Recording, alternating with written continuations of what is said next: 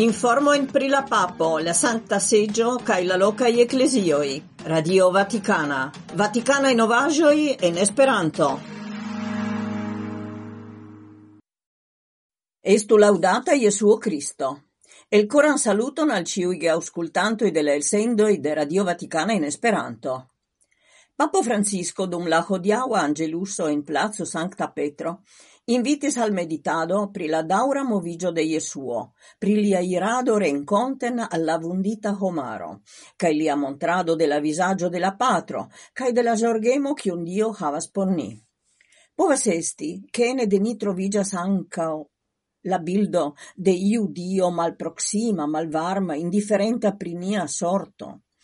La Evangelio contraue montras al ni che Jesuo, post instruado in la sinagogo, eliras por permessi che l'avorto el dirita povu atingi, tusci, cae resanigi la homoi. Tiel farante, li malkaŝas, che Dio ne estas la malproksima mastro, kiu parolas al ni el la alto.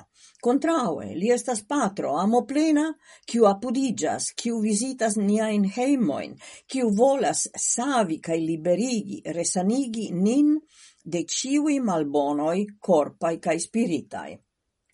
La papo invitis nin pripensi, ciuni malcovris la visagion de Dio kiel patro de misericordo, au ciuni credas cae annonsas iun dion malvarman cae malproximan? Ciu la credo estigas en ni sanan malquieton?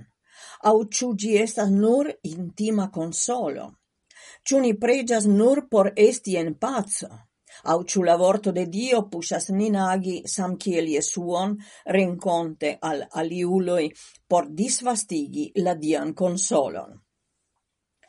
Nia unua spirita tasco estas tiu ci.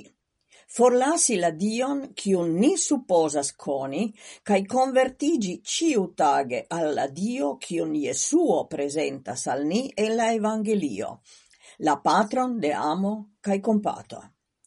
Ciam ni malcovras la veran visagion de la patro, nia credo completicias, ni ne plu estas cristanoi de sacristio, au de saloneto, sed ni sentas nin vocitai farigi al portantoi de espero cae de la dia resanigo, concludis la papo. Festo de la presento de la signoro.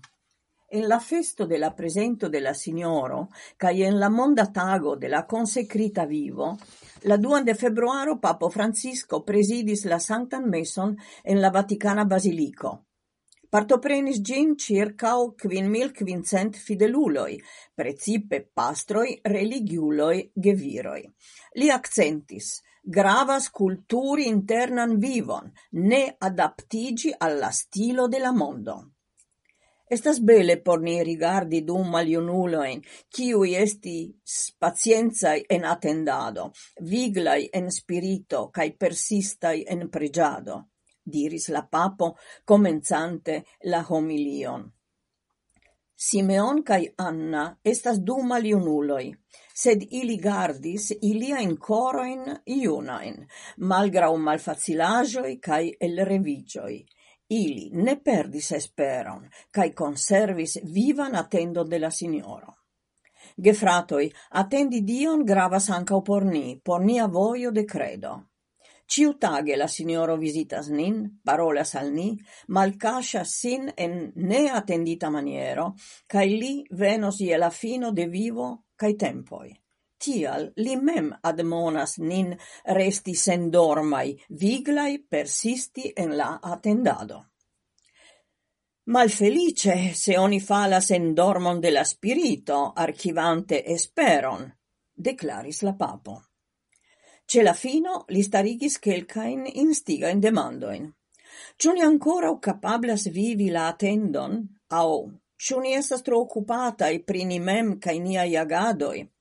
Ciu ni ne riscas transformi ancau religian cae cristanan vivon en multa in aferoin por fari, flanken metante ciutagan serciadon de la signoro? Ciom gravas successo in nia planado de la persona cae comunuma vivoi, prefere ol dedicio alla eta semo confidita al ni, sciante attendi la tempon de Dio? interreligia conveno en Genevo. Gidonis eblon cun la comunumo en Genevo primediti la instigo in de Papo Francisco por la monda tago de pazzo, ciare concentrita ie arte farite intelligento. La nun iam tradizia conveno de la missio de Sancta Seggio en Genevo, quiu ocasis la tridecan de januaro, estis gastigita en la pregeio de Sancta Nicolao de Fluiu. Ĉe estis kardinalo prefekto de la administra por interreligia dialogo Miguel Angel Ayuso kaj multaj ambasadoroj, altrangaj gvidantoj de diversaj internaciaj organizoj, personaro de aliaj diplomatiaj missioi.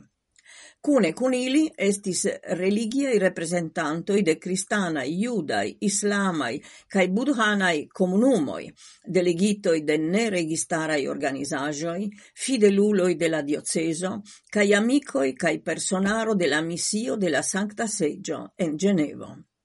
Ĉefepiskopo Ettore Balestrero, constanta observanto della la Sankta ce la Unuiĝintaj in kaj caialiai internaziai organizajoi en Genevo, malfermis l'eventon, bon venigante la multnombra multnombrajn ĉeestantojn en la pregeio. Kardinalo Ajusò proponis mediton pri la ciara temo por la Monda Tago de pazzo.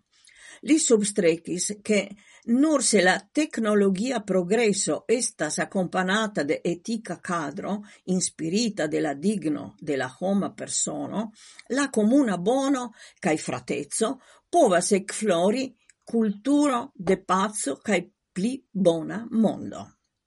Malonga in contribuoin presentis representantoi de aliai religioi. Tio in contribuoin accompanis la pregia i alvocoi en la araba, cina, franca, angla, rusa cae hispanaj lingvoi, kun musico de la filipinaj cae africae parocae korusoj. La interreligiae gastoi ricevis donacon de olivbranĉo kiel memorigo de la evento cae signo de komunaj clopodoi por la pazzo. La de Lausano, Genevo cae Friburgo, Charles Morerod, fermis la vesperan kunvenon per la pregio de pazzo attribuita al Sancta Francisco e l'Assiso. Kai tie ci finigas ni elsendo. Salutas vine Dvige Ackerman, Elda Dörfler, Vitka Skalicka, kai la respondiza redaktoro Maria Belošević. Estu laudata Jesuo Cristo.